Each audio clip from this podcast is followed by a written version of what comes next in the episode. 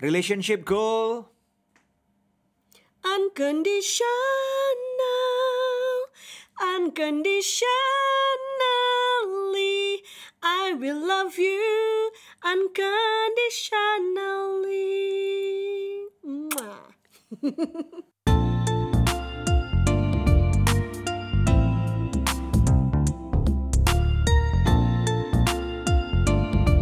Kamu lagi dengerin podcast Love Revolution.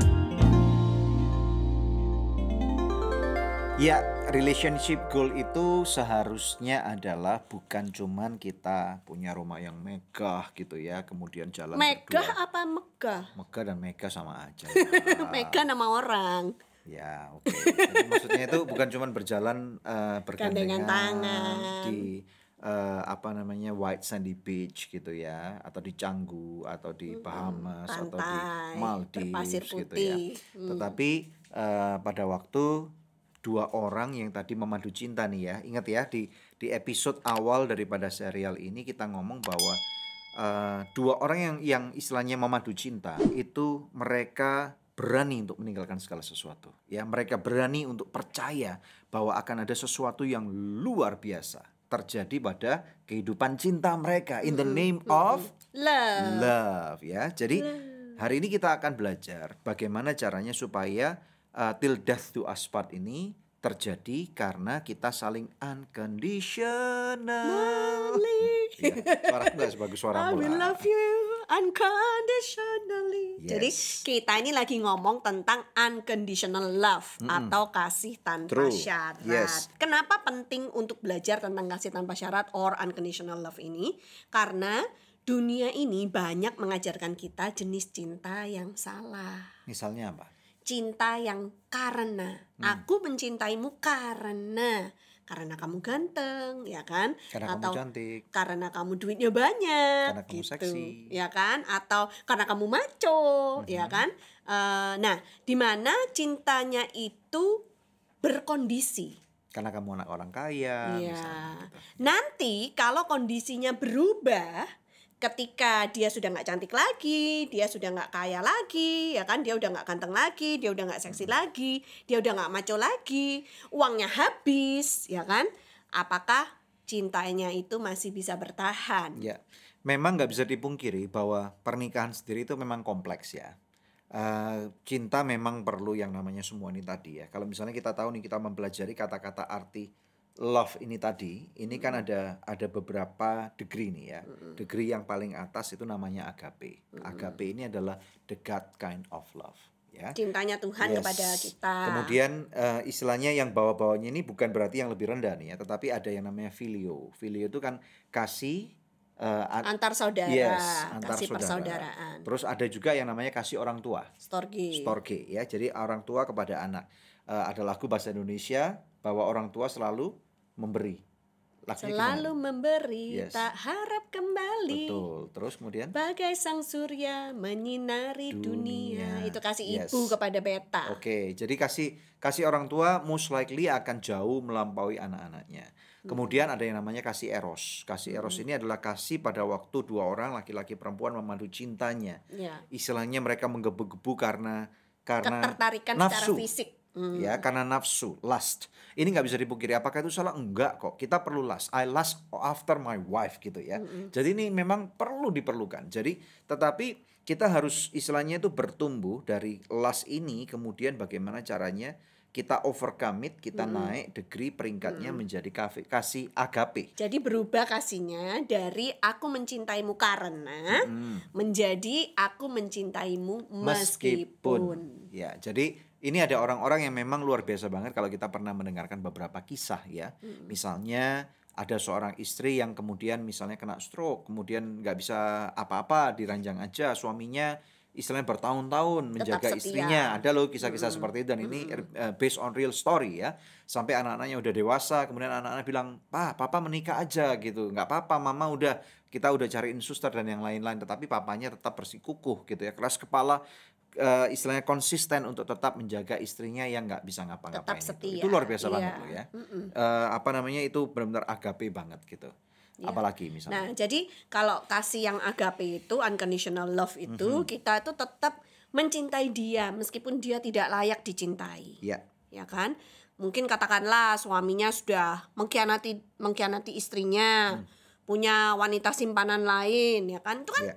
Sakit gitu kan sebagai istri gitu kan. Harusnya kan susah untuk mencintai dia kembali tapi tetap memilih untuk mencintai meskipun keadaannya seperti itu. Nah itulah unconditional Ya, love. ibaratnya gini loh, kalau misalnya suami atau istri yang misalnya lagi bermasalah, ya, istilahnya punya karakter problem sehingga istilahnya sangat sukar untuk dicinta. Ya, berarti seharusnya bisa dipastikan bahwa semestinya secara jiwa atau mungkin bahkan secara roh orang itu lagi sakit.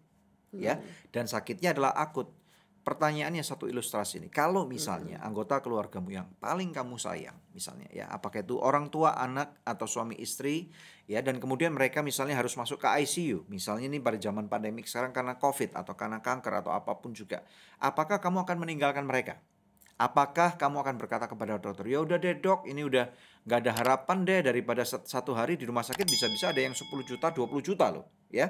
Daripada 20 juta tiap hari dok, ini uang berapa yang mau dibakar gitu ya. Udah deh, lebih baik Cabut aja cabut aja, selang-selangnya. cabut, cabut gitu. Karena nanti kalau dicabut pengeluaran nggak keluar, eh plus tambah bonus asuransi. Hmm. Apalagi asuransinya gede, misalnya 10 miliar atau 100 miliar. Kan lumayan ini, ya. Jadi, apakah demikian? Nah, kalau misalnya ada orang-orang itu. yang berpikir demikian, berarti ini menunjukkan bahwa orang itu nggak mencintai dengan tulus gitu ya. Walaupun itu memang kita nggak bisa judge karena kompleks banget kompleksitasnya ya. Nah, jadi Anda akan memutuskan tuh aku akan tunggu. Aku akan dengan segala macam upaya yang terbaik, aku akan belanjakan. Ya udah deh, ini kan orang tua misalnya atau suami. Namanya suami udah dia udah ceng cari kerja dari dulu sampai sekarang kita udah bisa punya rumah, punya segala-galanya. Sekarang dia stroke gitu ya. Dan masa sih harus mau ditinggal gitu aja? Ada juga kan? Kita Ada pernah ya, kita kenal pernah ketemu sama Yes, 8 tahun orang-orang guys. seperti 8 tahun di rumah sakit si suami ini tidur aja gitu ya, istilahnya koma, nggak pernah bangun dan istri serta anak-anaknya nunggu guys, nunggu setiap tahun sampai. Dengan setia. yes, akhir tahun ke-8 akhirnya Tuhan berkehendak lain dan kemudian suami harus berpulang ke rumah Tuhan. Jadi ada keluarga-keluarga istri yang tetap atau suami ya yang tetap Yes. berjuang uh, sekuat tenaga selama pokoknya uh, apa tuh Belum monitor flatline. jantung itu ya belum Yes. garis Belum lurus tit ya. gitu, ya. maka uh, mereka tetap akan mempertahankan sampai akhir. Nah itu suatu perjuangan yang luar biasa Ya. Betul. dari I love you because menjadi I love you even though. Hmm. Nah, namun demikian kita tahu juga seka- sekali lagi ya, kita tidak meremehkan arti pergumulan atau permasalahan yang kalian hadapi. Oleh karena itu, pada waktu kalian juga harus menjaga kewarasan kalian ya. Jadi istilahnya gini loh, kita nggak bisa cuman ayo ampuni, ampuni, ampuni, ampuni, ayo terima, terima. Tetapi orang yang menjadi korban ini juga perlu dijaga kewarasannya. Nah, salah satu cara yang sangat eh, ampuh itu adalah orang ini juga harus diberikan counsel Ya. atau nasihat. Ya, Makanya itu sekali lagi counseling. kita harus mendorong yuk konseling. Ya, Ya. itu untuk kesehatan mental dia ya. Jadi eh, bisa ketemu sama konselor atau Ya. ketemu sama psikolog kalau Betul. ke degree yang lebih tinggi atau ketemu sama psikiater kalau misalnya diperlukan obat-obatan tertentu. Betul. gitu. Nah, Dan men- menurut kamu pada waktu nih ya kalau misalnya ada orang yang tanya, sampai tahap manakah pada waktu sebuah pernikahan itu bermasalah, mereka harus ketemu dengan seorang counselor untuk konseling. ketika kamu menemukan masalah yang tidak bisa diselesaikan, ini misalnya berdua Ya. antara suami istri nggak bisa menyelesaikan masalah ini sendiri, ya itulah saat yang terbaik untuk pergi konseling untuk mendapatkan pandangan dari orang netral pihak ketiga yang bisa eh, menuntun kita maksudnya gitu untuk melewati masa-masa yang sulit ini Ya. gitu atau kalau misalkan masalahnya adalah masalah kesehatan tertentu Hmm. nih ya nah itu alangkah baiknya kalau pergi konsul ke dokter nah kita tahu tuh bahkan dalam eh, hubungan suami istri misalnya Hmm, ada suami-suami yang mengalami kesulitan untuk Ereksi. ereksi karena Yes. impoten biasanya Yes. terjadi kalau eh, menderita diabetes, atau Diabetes kencing atau manis. sakit-sakit yang lain. Nah, ya. itu jangan pernah merasa malu terus nggak mau mencari bantuan. Nah, kalau hal-hal yang seperti itu harus pergi ke dokter supaya di dipantau ya kan eh, kesehatannya kalau Hmm. menjadi baik kembali Ya. maka tidak menutup kemungkinan bahwa suaminya akan bisa perform kembali. Dan bukan berarti kalau kamu pergi ke counseling bukan berarti kamu nggak bisa menerima loh. Ya, jadi ada stigma yang mungkin mengatakan kamu harus menerima aku dalam kondisi state of condition ini pada waktu nggak bisa perform, Iya. pada waktu ini, pada waktu itu menerima adalah satu hal, tetapi berusaha lagi-lagi kita akan adalah mau merevive, mau re- merevolusi, Iya. mau memperbaiki. Ya, jadi ingat eh, dalam episode yang lalu kami mengatakan revolusi itu adalah berputar 180 derajat, ya. Menerima satu hal tetapi kemudian memperbaiki. Kalau kita mau memperbaiki, yuk kita harus perbaikin. Bahkan eh, kalau memang bisa mencegah lebih baik daripada mengobati. Makanya kami juga menyarankan nih bagi orang-orang yang selama ini udah kami bantu, kami mentorkan, kami mendorong mereka yuk supaya berbuka diri, jangan sampai menunggu kalau ada masalah. Iya, Ya. karena kalau biasanya yang ditunggu-tunggu itu udah parah. Pada akhirnya toh juga harus pergi konseling, tapi udah parah banget masalahnya. Betul. Jadi jangan tunggu sampai masalah itu menjadi parah. Nah, Iya. Balik ke unconditional unconditional love ya. Jadi unconditional love itu adalah memilih untuk tetap mencintai meskipun dia tidak layak dicintai. Yes. Memilih untuk mengampuni meskipun dia tidak layak diampuni. Ya, kemudian memilih untuk tetap melayani meskipun dia tidak layak untuk dilayani. Ini nggak mudah loh ini, Hmm. Nggak berat mudah, ini ya. mudah. Mungkin beberapa di antara saudara yang bilang, Ya. aduh aku nggak bisa deh bu kalau seperti itu standarnya gitu kan ya susah banget Hmm, gitu. Nah, memang secara manusia kita nggak bisa, makanya itu kita perlu melibatkan Tuhan. Ngaku aja dalam doamu secara jujur kepada Tuhan. Tuhan aku nggak bisa, aku nggak tahu gimana caranya untuk ngampuni suamiku, untuk mencintai tetap mencintai dia atau untuk uh, tetap melayani dia tapi aku tahu Tuhan bisa memampukan aku gitu asal kita mau Tuhan sanggup untuk memberikan kita kekuatan yang baru Ya, jadi ini memang eh, kita harus melihat juga dalam setiap case itu tentunya nggak nggak sama ya. Jadi eh, sekali lagi ini ini sangat diperlukan karena batil death to us part ini bukan sesuatu yang main-main.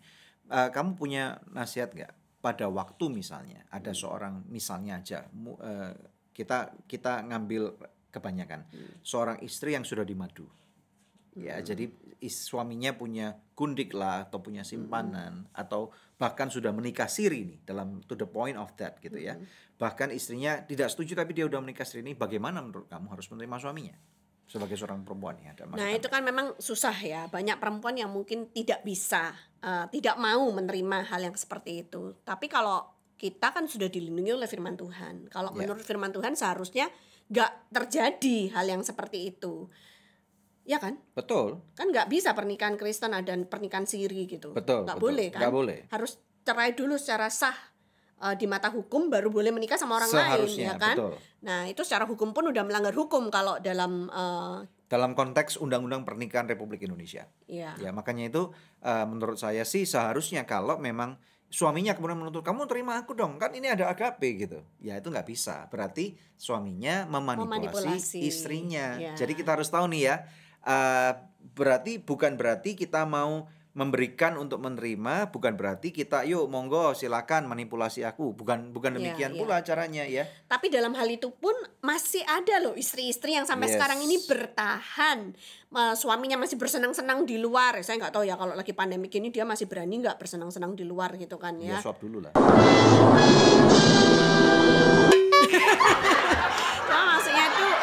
ada suami-suami yang seperti itu. Memang pada dasarnya suaminya nakal gitulah ya. Hmm. Nah, dan istri-istri ini bertahan. Mereka tetap mendoakan, mereka tetap melayani. Kalau suaminya pulang ke rumah dia masih melayani dengan sebaik-baiknya dan masih berharap pemulihan itu bisa terjadi. Dan memang ada contoh beberapa kasus ya kan orang-orang yang kita kenal yang pernah kita undang ke uh, Good News program juga kita pernah wawancarai Ya. bagaimana pada akhirnya toh mereka menangkan suami mereka kembali Ya, gitu. itu it's really like a very steep uphill battle gitu ya. Ya, yang memang nggak pertempuran yang tidak mudah. Ya. Makanya itu eh, salah satu tujuan kenapa podcast seperti ini dibuat dan kita juga yakin bahwa ada banyak sekali pergerakan-pergerakan untuk pemulihan keluarga.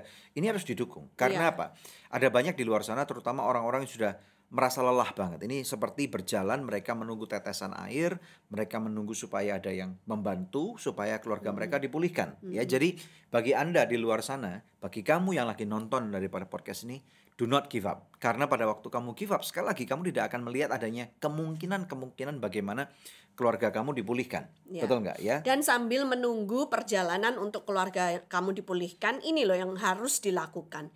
Ketika kapan pun terjadi uh, intimidasi dari iblis gitu kan, iblis kan suka melemparkan tipu muslihatnya. Ya. Yang harus kita lakukan, kita harus melawan iblis gitu. Dan tipu muslihatnya, kita harus berani berdiri dan bilang, iblis keluar dari hidupku, keluar dari rumah tanggaku, karena uh, hidupku sudah dibeli oleh darah Yesus, rumah tangga ini sudah dibeli oleh darah Yesus. Engkau tidak berhak untuk mencengkram suamiku, tidak berhak mencengkram istriku, tidak berhak mencengkram anak-anakku. Keluar dalam nama Yesus dari rumah tangga ini. Harus berani untuk melakukan perlawanan yang seperti itu. Take your authority, ambil otoritas bahwa kamu nggak mau lagi dijadikan bulan-bulanannya iblis. Ya.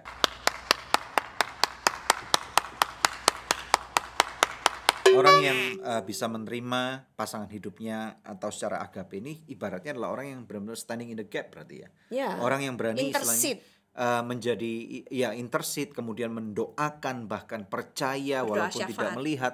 Saya- sama seperti iman Abraham dong ya. Iya. Walaupun dia tidak melihat bagaimana Tidak punya dasar untuk berharap, tapi dia Yes. tetap berharap. Yes, jadi ada banyak sekali cara-cara dan eh, kami sangat berharap Anda juga akan mempunyai suatu support system. Kalau kamu memerlukan support system, kamu bisa DM kami loh ya. Jadi nanti kami juga akan membantu untuk memberikan nasihat-nasihat yang yang di luar daripada apa yang kami bicarakan di podcast ini karena setiap case pasti tentunya adalah case by case ya. Ya, tapi memang kalau proses mengampuni itu susah loh dan ya Ya. kita harus mengakui bahwa ada eh, kasus-kasus di luar sana yang terjadi dan itu parah sekali di mana kita harus mengampuni orang yang tidak layak untuk diampuni. Nah, kalau kapan pun kalau misalkan Anda merasa goyah gitu kan, selalu Ya. fokus kepada Tuhan, ya kan? Fokus kepada Tuhan, maka pasti bisa karena Tuhan Yesus sudah memberikan contohnya kepada kita. Ketika kita masih hidup dalam dosa, Tuhan Yesus sudah mati buat kita, sudah mengasihi kita terlebih dahulu. Nah, Ya. seperti itu. Jadi kita bisa mempunyai satu kekuatan di luar kekuatan manusiawi kita untuk menyelesaikan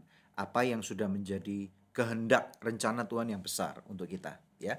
Eh, akal angka baiknya kalau misalnya seluruh anak-anak yang ada itu dibesarkan pada rumah tangga yang harmonis ya. dan utuh. Yes, rumah tangga yang fungsional. Karena inilah salah satu daripada tujuan pernikahan itu, supaya anak-anak dapat bertumbuh dengan sehat dan kuat. Ya, saya kadang-kadang miris juga nih ya melihat bagaimana ada anak-anak yang eh, terutama mereka yang mulai dari kecil ditinggal oleh orang tuanya meninggal. Ya, mereka nggak punya istilahnya kesempatan untuk disayang gitu ya. Sedangkan di rumah tangga sendiri ada tempat untuk disayang.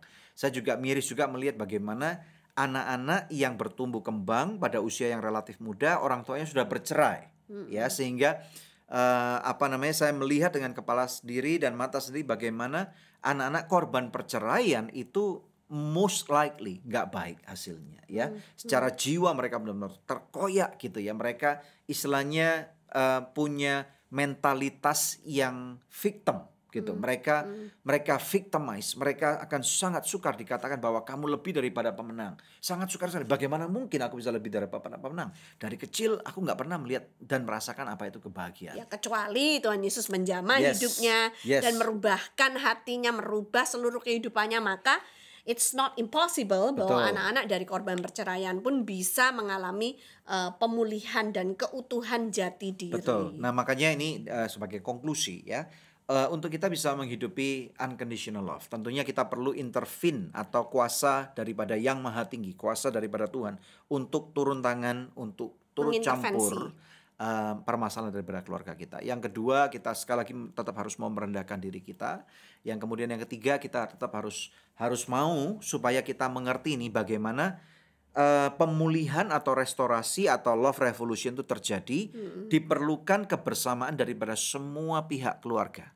Ya. Ya, bukan cuman istri saja harus terus ngalah, bukan cuman suami aja yang terus harus membeli, Harus memberi kerja kerjasama. kerjasama akan lebih mudah pada waktu ini semua menyadari kami perlu ini kita Ya. perlu ini kalau kita bersama-sama perlu kemudian kita bergandeng tangan ya kemudian kita mengatakan eh, berani untuk menelan egonya dan kemudian maafin aku ya aku sudah salah selama ini Iya maafin aku juga Iya. ya. gitu ya. Drama. dan kemudian dengan cara seperti itu maka eh, revolusi ini akan segera secepatnya terjadi. Amin. Anak-anak mendukung, kemudian kita akan bersama-sama. Yuk, ini uphill battle. Ini adalah bukit yang sangat eh, terjal sekali untuk kita jangkau. Tetapi kita tidak takut, marah bahaya ada di sana. Tetapi kita percaya dengan iman bahwa keluargaku akan dipulihkan oleh Tuhan. Amin, amin, Ya, amin. betul ya. Nah, oleh karena itu eh, masih akan ada satu lagi seri eh, bagaimana supaya kita bisa mengalami lo- love revolution. Until then, kamu nanti tunggu waktunya, ikuti dan kemudian putar ulang, dengarkan lagi supaya kita bisa benar-benar mengalami pembaruan dalam pikiran kita. Jangan lupa subscribe, like, dan komen. Ya, love revolution. Karena cinta perlu perjuangan dan tindakan nyata. Ciao. Ciao.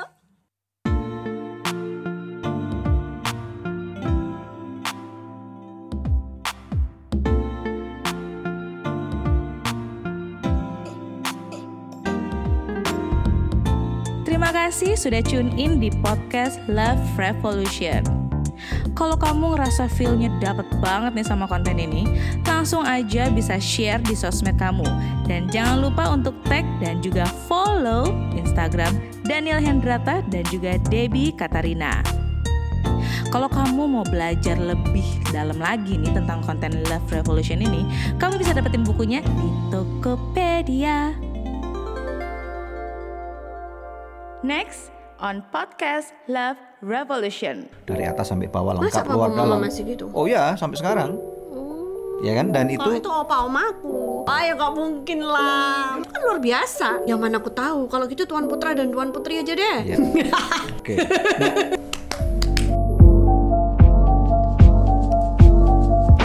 Ya memang benar kalau kita itu cinta kepada seseorang, terutama kepada istri atau suami kita, kita harus ada pembuktiannya, betul nggak? Nggak bisa kalau mulutnya ngomong cinta, tapi terus perbuatannya beda gitu. Judulnya pada episode ini adalah Saling melayani. kalau kita mau melayani, melayani itu artinya kan sebagai hamba ya. Ini kemudian menunjukkan bahwa orang itu mau merendahkan dirinya, bukan cuma hati. Tujuannya supaya keluarga kita mendapatkan revolusi cinta, maka yang terjadi kita harus saling melayani ini. Berjuang cinta ya. Bagaimana kamu Semangat pejuang cinta. memperlakukan istrimu atau suamimu?